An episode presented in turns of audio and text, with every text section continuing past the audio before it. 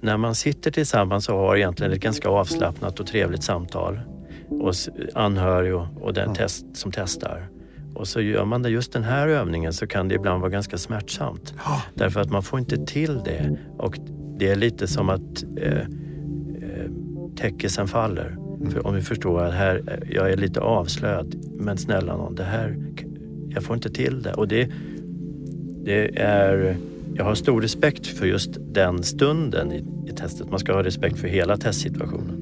Men det är smärtsamt det som händer där och det är ofta väldigt talande. Första gången jag gjorde en stor minnesutredning tänkte jag, vilken lekstuga. Vad håller jag på med? Jag skulle rita en klocka och sätta visarna på tio i elva. Kopiera en kub och rita upp den på ett blankt papper. Räkna baklänges från hundra och dra av siffran sju varje gång. Och så på en minut räkna upp så många ord som möjligt på bokstaven B och till sist komma ihåg fem ord som upprepades flera gånger. Det var väl urenkelt tänkte jag. Men när jag väl satt där på sjukhuset då blev det bara blankt i huvudet på mig. Jag fick poängen 24 av 30 och diagnosen kognitiv svikt. Det var så min märkliga resa in i Alzheimerland började. Jag heter Henrik Fränkel och jag fick påsken 2019 diagnosen kognitiv svikt. Jag vill med den här poddserien göra en upptäcktsfärd in i vår tids kanske mest ökända och stigmatiserade sjukdom. Jag ska träffa människor som kan hjälpa mig att förstå den sjukdom som drabbar 20 000 svenskar varje år, som har funnits i över 100 år och som ingen överlever.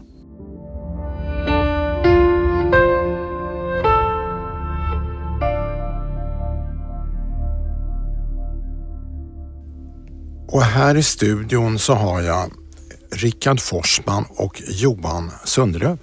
Välkomna! Tack. Tack så mycket. Du Rickard är civilingenjör och tidigare managementkonsult på Ernst Young och sen har du jobbat på det schweiziska läkemedelsbolaget Novartis. Och du Johan, du är överläkare och specialist i geriatrik och palliativ medicin och du är också ansvarig för innehållet i läkarutbildningen om demens på Silviahemmet. Men ni är med i den här podden för att prata om en helt ny minnesmottagning som är digital och därmed tillgänglig för alla. Men innan vi går vidare så ska jag passa på och berätta om att jag själv har testat den här digitala appen. Så i slutet av vårt samtal så ska jag få veta hur min kognitiva svikt har utvecklats enligt appen i alla fall. Så Rickard, berätta vad är minnesmottagningen.se? Ja, Minnesmottagningen.se är egentligen en plats för att lära sig mer om hjärnhälsa överlag. Mm. Och det är en möjlighet att kunna testa lite på samma sätt som man gör i en demensutredning egentligen. Att göra en utredning, eh, en kognitiv utredning utav mm. sin, sin hjärnhälsa helt enkelt eh, digitalt. Mm. Men vad är poängen att göra den på nätet? I grunden handlar det om tillgänglighet, eh, vilket är ett av de största problemen som vi ser nu egentligen kopplat till demensutredningar och demensvården överlag, eh, är att det är inte tillgängligt. Man kommer ofta in alldeles för sent och upptäcker sjukdomen alldeles för sent och väldigt många missas helt och hållet. Så vi vill öka tillgängligheten helt enkelt. Men man kan ju gå till sin vårdcentral och träffa en läkare istället. Många gör ju inte det eh, tyvärr och det finns flera skäl till det och alla är olika men det vi vet i alla fall om man tittar på statistiken och siffrorna så är det ett enormt stort mörkertal och framförallt en väldigt sen diagnos som ställs. Det har pågått i många, många år ofta innan man får en korrekt diagnos. Vad menar du med mörkertal? Personer som går med en kognitiv sjukdom, en kognitiv svikt mm. under lång tid utan att veta varför mm. och får inte rätt stöd och rätt hjälp eh, på grund av det. Mm. Eh, ni har utvecklat den här ihop med eh, minnesmottagningen på Karolinska sjukhuset. Hur kom du på, du är civilingenjör egentligen, managementkonsult. Hur kom du på idén att göra en app, en app av hela minnesutredningen? Ja, det är verkligen inte så att det är bara jag som ska ta den äran till mig utan det, ja. det är en idé som från början kommer från eh, stiftelsen Silviahemmet mm. och eh, Swedish Care International som eh, där sö, fröet såddes egentligen från, från första början om att det finns väldigt mycket man kan göra med modern teknik som man inte drar nytta av idag inom det här området. Mm. Har du själv en koppling till kognitiva sjukdomar? Mm, på båda mina föräldrars sidor så eh, både min farmor och min mormor eh, drabbades av, av någon demenssjukdom. Eh. mm. Johan Sundelöv, du har jobbat på sjukhus med att göra manuella minnesutredningar och nu är du specialistläkare på minnesmottagningen.se. Hur säkra är resultaten från appen om man jämför med om man gör den på ett vanligt sjukhus? Mycket säkra skulle jag säga och det är det som är inspirerande här. Om man jämför med ett annat känt sånt test, Mocka-testet, mm. så är det till och med aningen bättre än det och minst likvärdigt. Det vill säga, man brukar prata om sensitivitet och specificitet. Alltså hur säkert är det mm. att man eh, prickar rätt mm. i det här med att hitta personer med en misstänkt kognitiv sjukdom. Mm. Och där är alltså väldigt hög säkerhet. Nu ska vi komma ihåg att ett, ett kognitivt test, ett minnestest, det är ju mm. bara en del egentligen mm. av en, en minnesutredning. Det är ju som ett fotografi av eh, minnet och andra kognitiva funktioner som vi säger. Mm. Olika hjärnfunktioner. Men eh, styrkan här är ju att det är tillsammans med testpersonens eh, berättelse mm. och anhörigas berättelse Mm. För det vet vi alla som håller på med det här och också familjer att det är summan av olika tester men det är, det är berättelsen när den också kommer fram mm. som det verkligen börjar ge resultat och det går att bedöma. Mm. Eh, vad av det här som kan vara en kognitiv sjukdom eller en minnessjukdom och vad som kanske faktiskt är något annat. Men det är ju många människor, inte minst om man är 50 plus, som tycker att man har dåligt minne. När tycker du att man ska söka för sitt minne, dåliga minne? Eller göra en minnesutredning? Det är viktigt att vi får en chans att diskutera minnessvårigheter, kognitiva svårigheter tidigare i förloppet. Mm. varför säger jag det då? Jo, vi vet att det här med riskreduktion är viktigt. Mm. Troligen så skulle vi med Eh, aktiv riskreduktion i samhället. Kunna... Typ vadå? Motion, kost, sömn? Ja, det som är bra för hjärtat är bra för hjärnan brukar jag säga. Så. Mm. Reducera risken för hjärt, kär, alltså skador på kärlsystemet egentligen. Mm. För då reducerar du risken för skador upp i hjärnans kärlsystem mm. också. Mm. Motion, social interaktion och så vidare. Enligt studier och så vidare så tror man ju att man skulle kunna reducera utveckling av demenssjukdom med 40 procent om vi jobbade bara preventivt. Mm. Vilket är ju jätteinspirerande egentligen och viktig mm. kunskap eftersom det kan vara lika viktiga insatser som insättande av farmakologisk behandling mm. ur ett samhällsperspektiv. Men när ska man göra en minnesutredning tycker du? Är det om man har glömt bort vad, vad, vad man såg på TV igår? Är det liksom ett en och signal? Jag tycker att man ska ta sina svårigheter på allvar och kännas vid dem och mm. våga ta steget att undersöka om det kan finnas någon skäl att vara orolig. Men vi glömmer sen, ju hela tiden. Exakt, för man kan vara småbarnsförälder och glömsk och undra var man la saker. Och det, ja. det, är inte onormalt att med åren bli lite mer glömsk. Mm. Men att bli så glömsk att man har, eller får andra svårigheter, att man har svårt att klara sitt vardagliga liv. Mm. Det är något annat och det är det som kognitiv sjukdom handlar om. Ibland tänker jag att alltså, vi behöver jobba med hjärnhälsa. Mm. Hjärtsvikt är ett jätteetablerat begrepp. Det vet mm. alla vad det är mm. för något. Mm. Ibland kanske vi skulle prata om hjärnsvikt. För att det, kognitiv svikt, det blir så teoretiskt. Sen kan det finnas väldigt många olika anledningar till hjärnsvikten.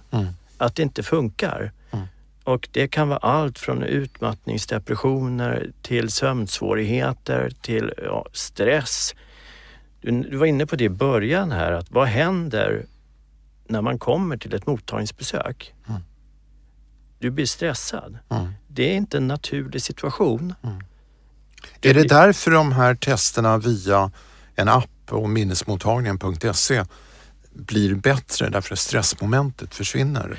Jag tror att det är en jättevärdefull möjlighet att i en trygg hemmamiljö mm. kunna få göra tester, svara på frågor i lugn och ro. Mm. Därför att det blir en helt annan situation. Du har inte det här vaktande ögat på dig. Mm. Som, det är ju nämligen så att stress paralyserar hjärnan. Mm. Du kan inte tänka rationellt och det blir inte alltid rättvist då. Så att en viktig en konst i en, en demensutredning mm. är ju att få det att kännas som ett naturligt samtal. Ungefär som vi sitter här nu. Mm. Kan du berätta lite om hur det är och, och jag har gjort fem stycken minnesutredningar ja. under ett och ett halvt år. Jag kan ju tala om att eh, det känns ju inte som naturliga samtal. Nej. Något av dem. Utan eh, man känner sig verkligen iakttagen och läkaren eller logopeden eller neuropsykologen håller ett tidtagarur under bordet och tror att man inte ser det och sådär. Ja. Eh, och håller koll på det. Men Rickard, den här appen har då två användningsområden. Om vi börjar med den första och det är på vårdcentraler och specialistkliniker. Eh, hur ska den användas där? Mm. Det är ju egentligen samma sak egentligen som vi vill hjälpa vården med som vi vill mm. hjälpa privatpersoner och patienter. För det är patienten i centrum och det är patienten som ska ha en, en bra utredning. Mm. Eh, så det, det, vi gör nu egentligen efter att vi har precis fått vår, vår kliniska studie publicerad och, och, och godkänd eh, är att vi faktiskt pilotar det här ute i vården också så att eh, det blir en del även i det ordinarie mm. eh, förfarandet som man har ute på, på mm. vårdcentraler och på specialistmottagningar. Så det, det känns fantastiskt. Mm. Och sen har ni då appen för allmänheten. Eh, och då, hur ska den fungera där? Vad, hur kommer man till den? Du tänker rent tekniskt. Man laddar ja. ner den här appen och så, så kan man göra det på en surfplatta eller på telefonen. Och eh, så fyller man i då ett frågeformulär. Man gör de här kognitiva testerna, minnestesterna och ibland så kan det passa eh, bra att göra lite kompletterande frågeformulär. Mm. Och, ehm, och så analyserar vi det där sen och tittar på, på summan av, av resultaten. Vi ska titta på det om en liten stund. Ja. Men först, det finns ju en massa minnestester i kvällstidningarna och på nätet. Vad är, vad är poängen med just den här? Jag tycker poängen är att här finns eh, möjlighet att svara på frågor själv. Alltså, sjukhistorien säger vi ibland i, i vården. Alltså. Mm. Berättelsen om besvären. Mm. Vad har du för typ av besvär? Mm. Det blir ett komplement. Det har man inte. Mm. Och det andra är anhörigas berättelse. Mm. Mm. Plus att du kan göra det. Så de tre delarna. Din egen berättelse, minnestestet och anhörigas berättelse. Och att göra det i en lugn miljö när mm. du är fundersam. Mm. Du kan ju dessutom upprepa testet. Mm. Underlaget som sen du kan ta med dig någonstans mm. eller som vården kan titta på sen. Mm. Jättemycket jobb är ju gjort. Mm. Det är inte färdigt. Mm. Men det finns en väldigt bra grund och man kan också följa trenden. Och jag, jag, tänker på en annan sak poppar upp att om man nu har det här i släkten då är det ju väldigt vanligt att man vill göra allt man kan för att minska risken. Mm. Man vill också kanske ha lite koll i lugn och ro på hur det är med minnet egentligen och mm. andra funktioner. Mm. Man kanske inte är riktigt där att man känner att man vill göra en utredning men man vill ha lite, lite koll kanske. Mm. Och det här blir någon slags, vi får bort lite stigmatisering mm. och man kan göra det när man själv tycker att det passar. Ska man vara skarp... Liksom, det är som att mäta blodtrycket lite ja, då och då. Ja kolla vad, Exakt. hur ligger man till? Exakt, och skulle man säga en, liksom en tydlig gräns, när det börjar bli svårt att klara sitt vardagliga liv mm. och man faktiskt behöver hjälp av en eller annan anledning, mm. då, då har man ju passerat en gräns när man verkligen behöver söka hjälp och få hjälp med en fortsatt utredning. Mm. Vi kommer in på det. Eh, jag har ju testat eh, minnesmottagningen.se och eh, du ska berätta för mig om en liten stund hur det gick för mig. Ehm, men eh, om det här hade varit min första minnesutredning och det visar sig att utredningen kommer till resultatet att jag har kognitiva problem. Vad händer då? Vem vill svara? Rickard? Det är jätteviktigt att, att verkligen understryka att en, en diagnos måste ställas av läkare i ett fysiskt besök och vi, vi ställer inte några diagnoser utan det här är ett sätt att, att testa sin hjärnhälsa och få lite vägledning. Dels hur man kan jobba med, med Mm. riskreduktion och livsstilsfaktorer men, men också för att få lite koll och framförallt få kunna mäta det över tid. Då. Mm. Om det är så att det visar sig, och och det har vi ju flera fall på, att Mm. eh, där vi ser att men här skulle det vara bra att faktiskt följa upp med en, en kompletterande eh, fullständig utredning med blodprov och, och röntgen som ska till Mm. också. Mm. Eh, då finns vi där för att guida hur man gör och, och också eh, ge stöd i hur man faktiskt kommer vidare. Men i grunden så är det att ta kontakt med sin vårdcentral och ta med sig det utlåtande som vi har hjälpt till att ta fram. Mm. Vi vet ju att, vi vet att många skulle behöva få göra en minnesutredning, Mm. en demensutredning. Och att Många fler än de som gör det idag. exakt 40 procent kanske aldrig får någon diagnos. Vi Mm. vet att, vad, vad är poängen med diagnos då? Jo, Mm. det är ju att man har möjlighet att få bättre vård och behandling. Mm.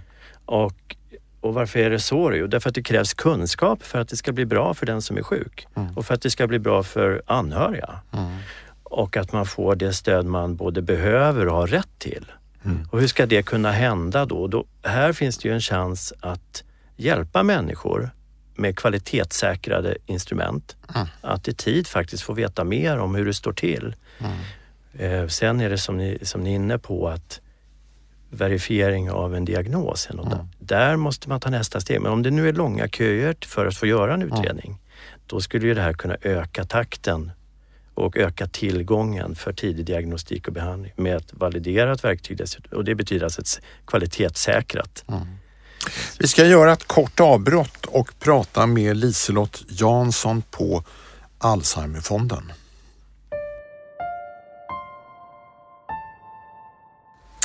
Hej Liselott! Hej Henrik. Du är generalsekreterare för Alzheimerfonden och ni har engagerat er i det här med digital minnesmottagning. Varför det?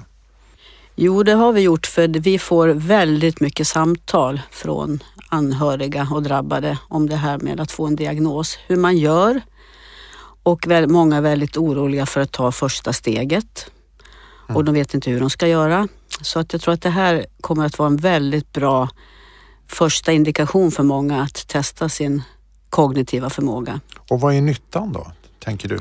Nyttan är, tror jag, dels att man kan testa om man har en begynnande kognitiv svikt, Alzheimers sjukdom eller något annat. Mm. Och att man då kanske vågar gå till söka läkare och genomgå en riktig minnesutredning för att få reda på, har jag det? Men jag skulle också vilja säga att det är lika viktigt för att utesluta att man har det. För att många är oroliga, kanske i onödan. Jag tycker det är väldigt viktigt att man får en diagnos. Eh, Alzheimerfonden ägnar sig åt insamling eh, till forskning och eh, ni gick ut för en tid sedan om att ni hade ett rekordår för insamlingar under 2020. Då tänker man, hur kommer det sig? Alla pratade ju bara om eh, corona och pandemi och sådär. Mm. Vet du vad Henrik? Eh, Demenssjukdomar är också en pandemi. Mm. 50 miljoner i världen som drabbas. Eh, Ja, man kan säga så här. En stor anledning är att väldigt många av de som avled på äldreboenden har sannolikt drabbats av någon kognitiv sjukdom, Alzheimers sjukdom eller något annat. För vi har aldrig haft så mycket minnesgåvor, alltså gåvor till begravningar.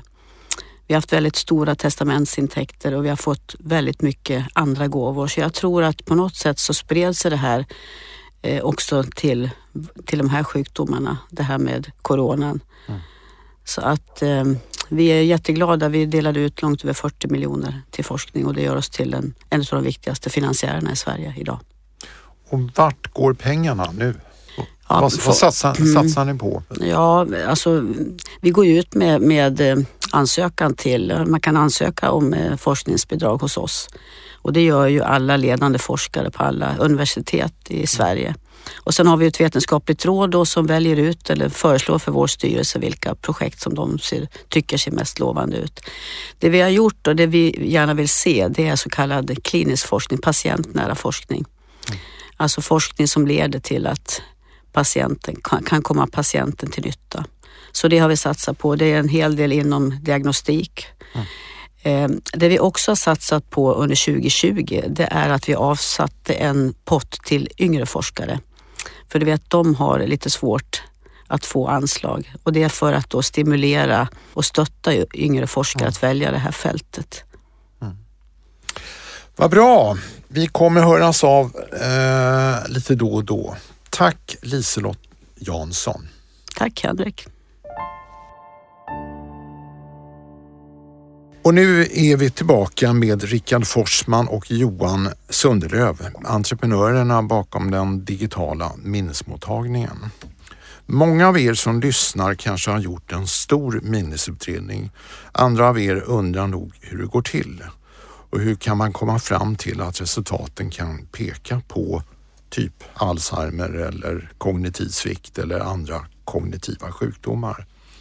Så jag tänkte att ni två, Rickard och Johan, ska få lotsa oss fram. Och eftersom jag har gjort det, så innan vi kommer in på liksom mina egna resultat så tänkte jag bara prata lite mer allmänt om vad, varf, varför gör man de här olika deltesterna?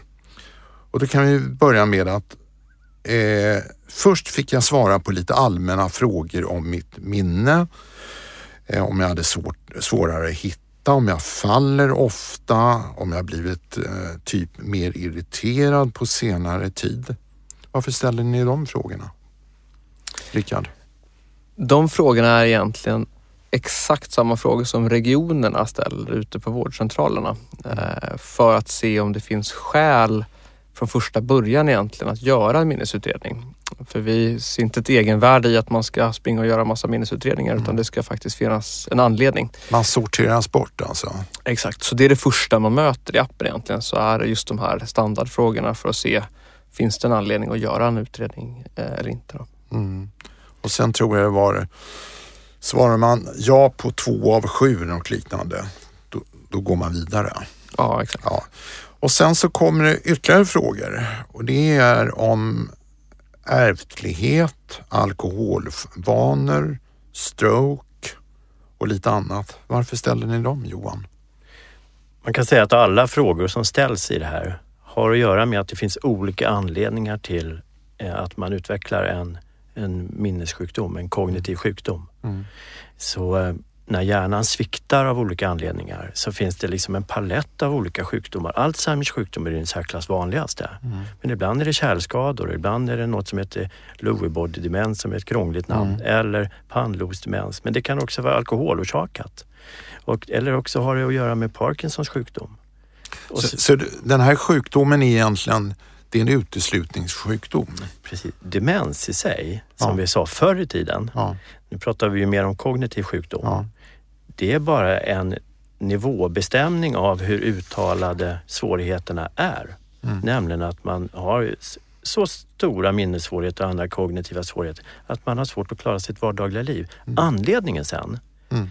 den kan vara många olika. Det är ungefär som eh, om man har feber Mm. så kan det bero på många olika saker. Här kan det bero på olika sjukdomar och de här frågorna fångar upp det.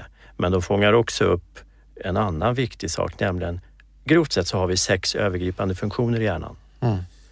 Och sättet som sjukdomarna uttrycks på är att de här olika områdena, de olika funktionerna är påverkade.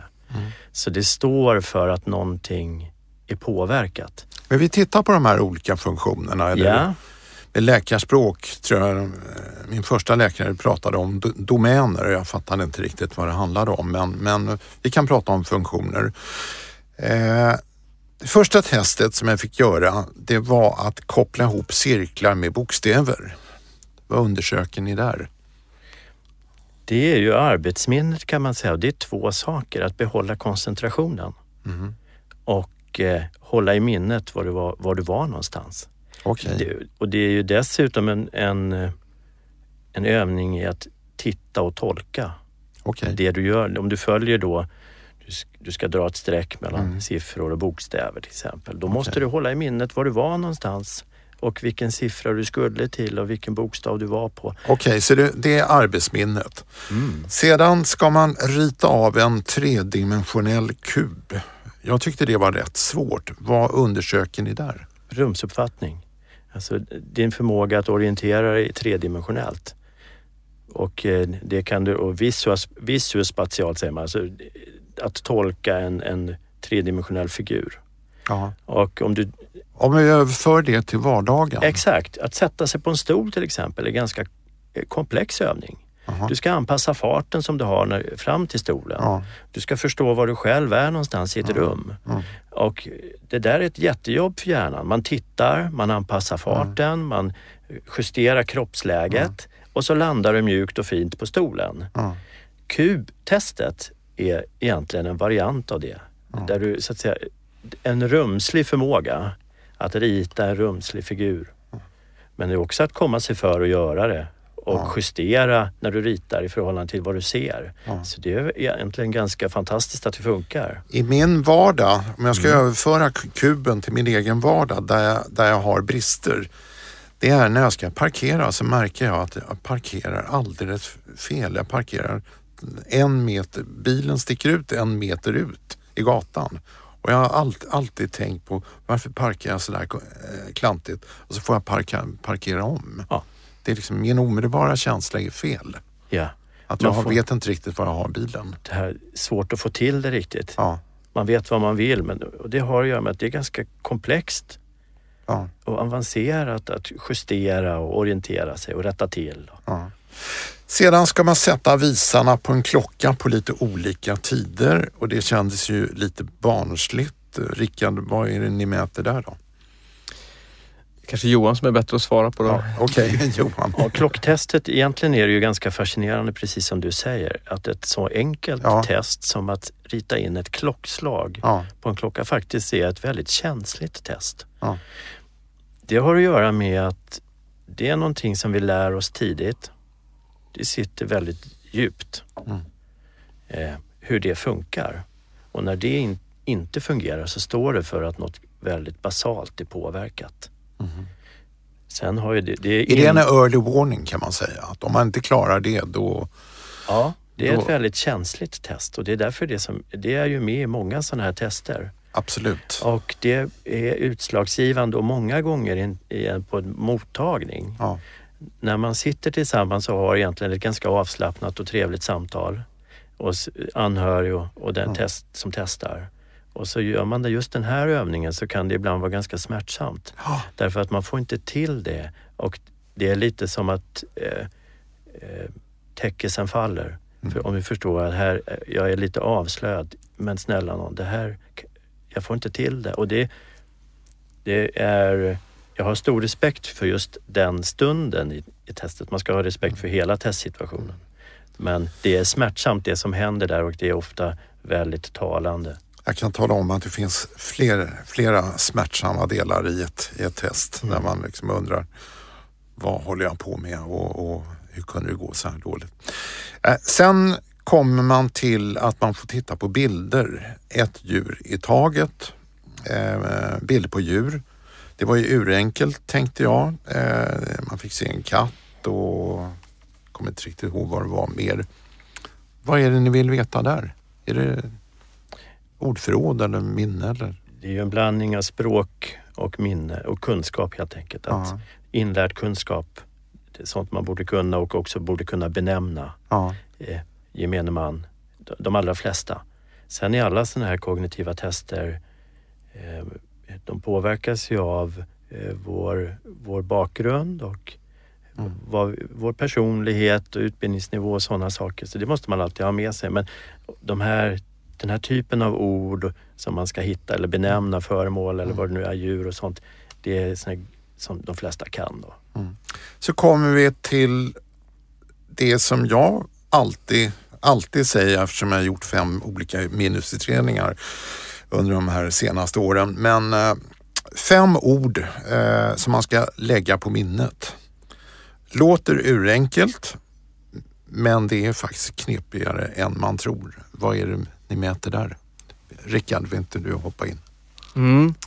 Det är ju äh, minne egentligen, korttidsminne. Att kunna komma ihåg någonting äh, över en, en, tid egentligen. Så att ja.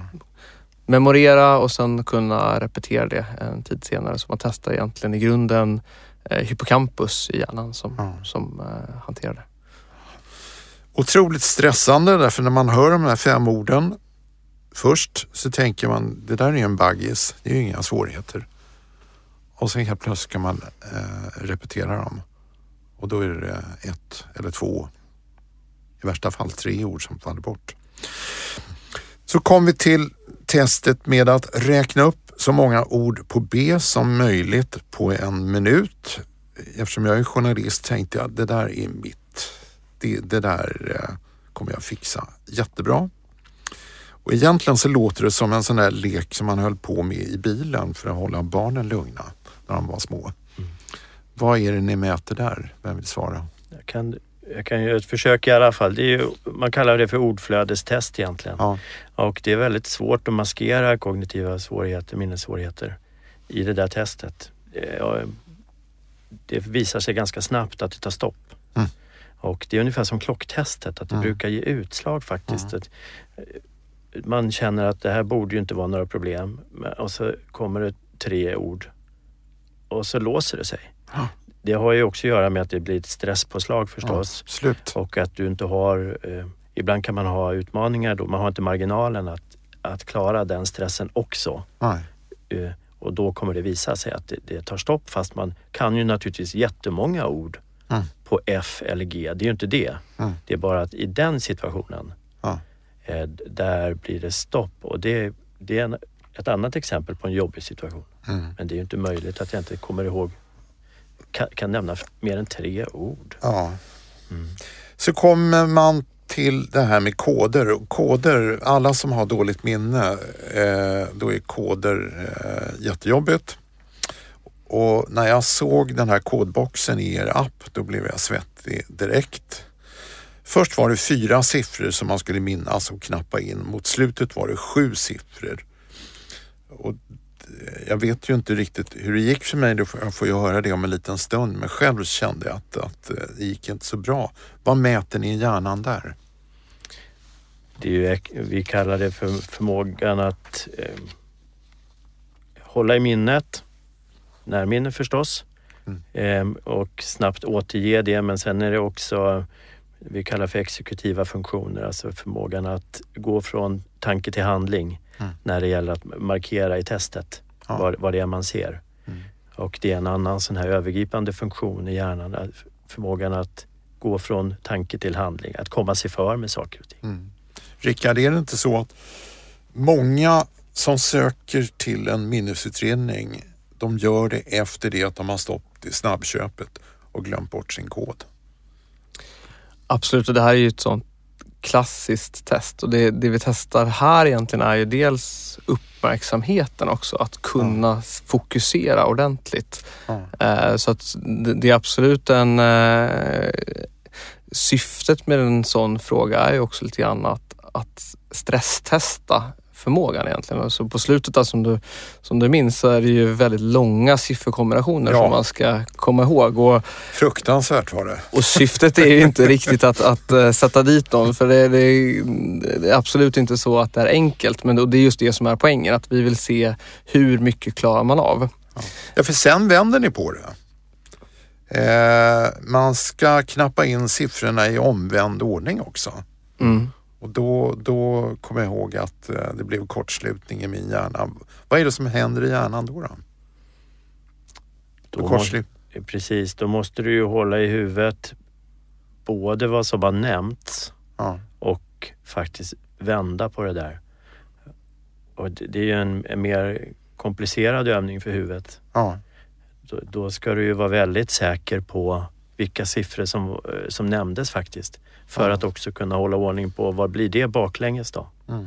Det blir ju att du nästan får göra dig en bild av det i huvudet Mm.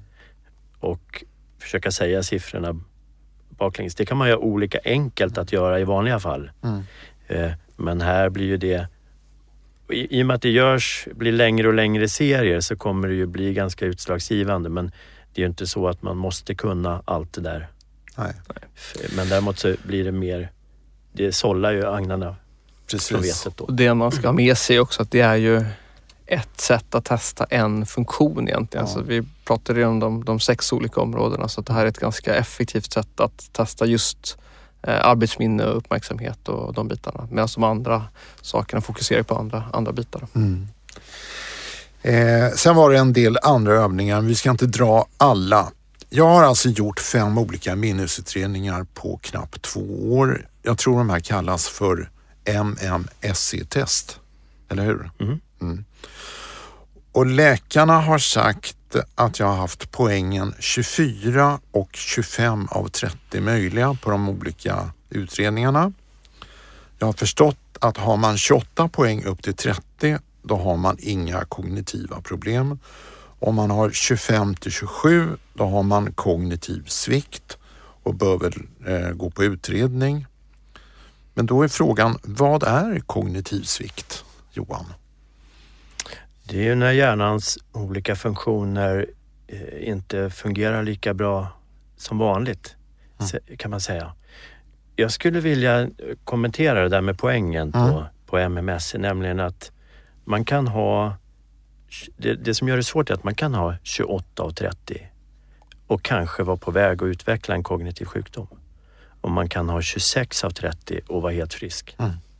Och Det, måste vi, eh, det är viktigt att känna till det faktiskt. Så att poängen i sig säger inte särskilt mycket. Sen är det naturligtvis så att om du har väldigt låga poäng Mm. så ökar ju risken att det faktiskt är något. Men det är tillsammans med berättelsen som det verkligen går att värdera här, den här poäng, poängen som man har fått. Men min läkare, en av mina läkare har sagt, eller sa till mig att du borde med din utbildning och du är journalist, du borde ha 30 poäng. Mm. Så 25 är för dåligt. Mm. Han, han, är, han eller hon är inne på en sak där, nämligen att redan där har du berättat något om dig själv. Ja. Vem är du?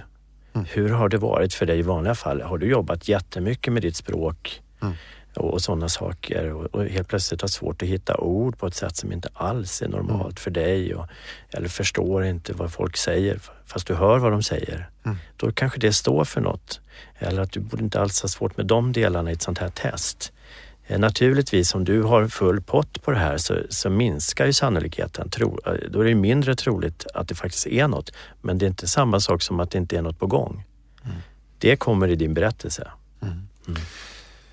En Någonting- del i den här, förlåt mig. Ja, nej, jag tänkte en sak som man kan lägga till också som är, som är viktig att ha med sig är ju att det är klart att om man tittar på stora populationer så kan man säga att med ett yrkesval då kan man förvänta sig någonting. Eh, att en person som är arkitekt till exempel ska rita väl, kuben väldigt bra till Mm. exempel. Men det behöver ju egentligen inte ge en väldigt exakt bild av hur du som individ faktiskt presterar. Så att, eh, om man ser till mig själv så jag tycker de här mattesfrågorna är ganska svåra och då är jag ändå civilingenjör i grunden Ja. och kan få till mig att men, det här ska inte vara några, några konstigheter med, med den utbildning som du har gått till exempel. Och då missar man kanske lite grann det här med utvecklingen över tid Mm. som är någonting som man kan göra väldigt enkelt genom minnesmottagningen.se. Då. Att just ha en bild av vad händer över tid. För det är det som egentligen avgör om det är en bakomliggande sjukdom eller om det här är din normala förmåga. Lite grann som Johan är inne på där med poängerna på MMS-testet. Så att man ska se till mer än poängen. Det handlar mycket om utvecklingen också. Jag In, innan vi kommer in på min, mina egna resultat så måste jag bara ta upp en sak till som man, man tar upp i er app och även eh, som man gör på sjukhusen, på minnesmottagningarna och det är ju eh, man ber eh, en anhörig få fylla i ett formulär där den anhörige, i i mitt fall min sambo, skulle berätta lite om symptom som hon har upptäckt eh, med tiden och så. Vad, vad är poängen med det, Johan? Det är en jätteviktig del i en, en demensutredning. Anhöriga, ofta... Ser de anhöriga symptomen tidigare än jag själv? I, ja, så kan det vara. Och ibland har man själv svårt att berätta om exakt vad man har för svårigheter. Mm. Medan de är väldigt tydliga för dem runt omkring. Mm.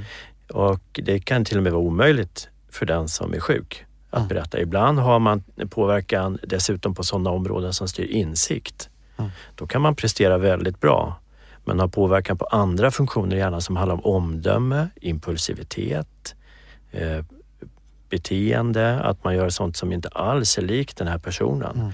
Men den som själv är sjuk tänker inte så mycket på det och presterar dessutom ganska bra på den här typen av enklare minnestest. Mm. Där blir ju anhörigas berättelse väldigt viktig. Men det finns också en annan del, nämligen att om man nu gör ett minnestest, upplever det på ett sätt själv och kan mm. berätta om det, som det ofta är i tidiga delar, mm. i en tidig fas. Senare blir det ju svårt. Där blir det ju jätteviktigt att värdera berättelsen mm. med hjälp av någon annan. Man ska samtidigt säga att bara värdera berättelsen utifrån en anhörig går ju inte heller. Nej. Därför att då blir det ju lite eh, osäkert. Mm. Då är man ju händerna på alla andras berättelser. Så ja. alla delarna behövs. Absolut. Då kommer vi till mina resultat. Eh, jag genomförde det här testet hemma på min kammare i lugn och ro. Ingen stress av att vara uppe på ett sjukhus. Och jag hade inte heller en läkare på andra sidan bordet som iakttog mig. Det tyckte jag var jätteskönt. Så Johan, vad visade mina resultat? Du har fått min tillåtelse att berätta om du gör en snabb genomgång. Precis, om man, om man gör en snabb genomgång och kanske tar i den ordning som vi har pratat om mm. det först, alltså mm. din egen berättelse. Mm. Där framkommer det något väldigt viktigt, nämligen du säger att du upplever vissa svårigheter. Mm. Eh, du berättar att de varierar över tid. Mm. Du berättar att nej, de är inte så svåra i dagsläget. Mm. Att jag har svårt att klara mitt vardagliga liv eller mitt arbete. Så är det inte. Och du berättar också en till viktig sak. Att om du får tänka in i den här försämringen, om den skulle fortsätta i den här takten och mm. tänker dig sex månader fram eller ett år framåt i tiden. Hur kommer det vara svårt att klara ditt vardagliga liv då tror du? Mm. Nej.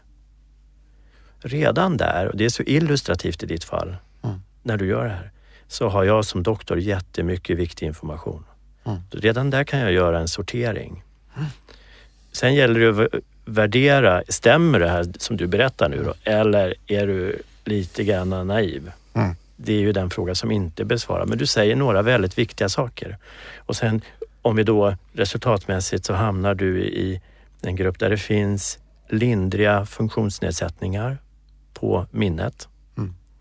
Både när det gäller eh, tiden som det tar mm. att göra testet och minnesfunktionerna, de kognitiva funktionerna, de här sex övergripande mm. funktionerna. Mm. Men de är inte så uttalade uh, utifrån det här testresultatet att man på en gång kan misstänka en kognitiv sjukdom.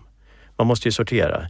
Uppenbart misstänkt kognitiv sjukdom, lindriga nedsättningar av minnesfunktioner eller upplevda svårigheter som inte går att hitta i testet. Mm du tillhör den här mellangruppen, både när det gäller tiden som det tar att göra testet och de olika delarna i testet. Och vad innebär att vara i mellangruppen? Att då har man det som vi kallar för lindrig kognitiv funktionsnedsättning. Det vill säga kognitiv svikt ja. eller MCI? Ja, där man in, och i den gruppen så är tiden vårt viktigaste verktyg. Mm. I den gruppen så finns det människor som blir bättre med tiden det finns människor som är stabila över tid mm. och det finns människor som kommer att bli sämre. Och de här personerna, vi vill ju veta, mm. vi vill ju hitta de här personerna. Och personer med en lindrig kognitiv funktionsnedsättning eller kognitiv svikt, de vill man ju fortsätta följa mm. och ge möjlighet till tidig eh, behandling och diagnostik om det finns skäl. Eh, och, och besvären tilltar. Här blir tiden vårt viktigaste verktyg. Men om det här hade varit min första minnesutredning, Ja, vad hade du gjort med den? då hade vi pratat om det. Jag hade eh, också pratat med någon anhörig till dig. Mm. Men jag hade sagt, är det på det här sättet att du har svårigheter men, Mm. men de påverkar inte din förmåga att klara ditt vardagliga liv. Då kan vi vänta ett halvår. Och så kan vi för, kolla igen då. Men jag ska följas. Ja, om du, man kan också säga, hör av dig om du får mer besvär. Mm. Det är ett annat sätt. Mm. Det, här beror det lite grann på mängden av besvär som, som du berättar om. Mm. Om du inte räknar upp något av de här sex övergripande funktionerna i hjärnan, nej, då känner jag mig ännu lugnare. Mm. Om du säger så här, "Ja, men jag har svårt med närminnet, jag har svårt med att utföra praktiska sysslor, jag hittar aldrig ord. Jag har svårt att hitta, du börjar räkna upp sak på sak. Mm. Fast det slår inte igenom här. Och du säger också så här att jag tycker ändå att det tilltar. Mhm.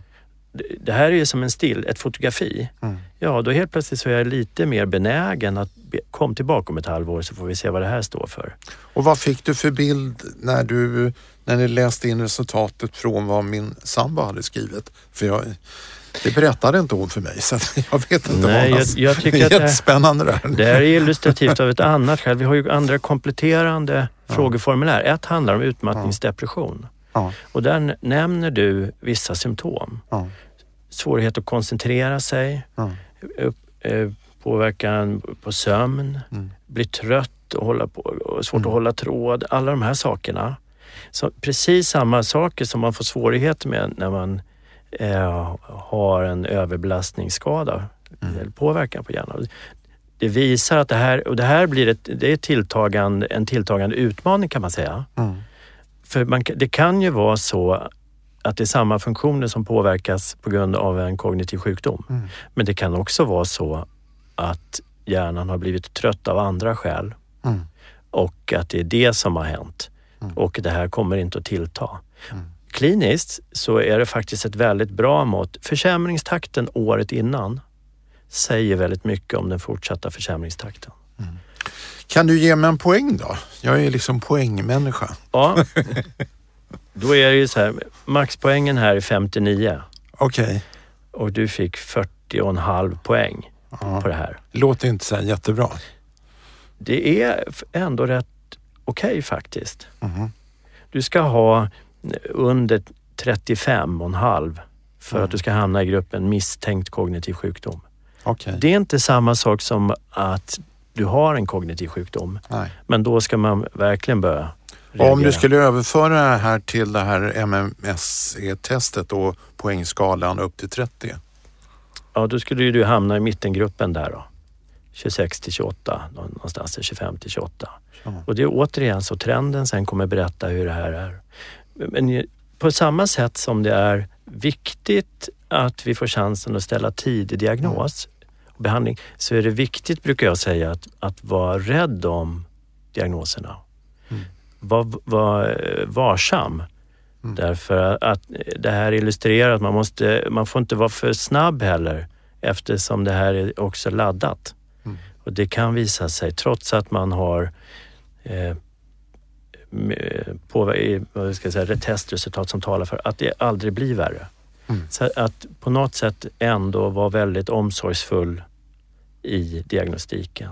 Men här blir det ändå en bra, väldigt bra grund och redan när jag ser då din berättelse och poängen Mm. så vet jag väldigt mycket om hur jag ska göra. Jag vet egentligen att vi kan höra om ett halvår eller att du säger till om det blir värre. Det finns ju massa behandlingsbara orsaker också.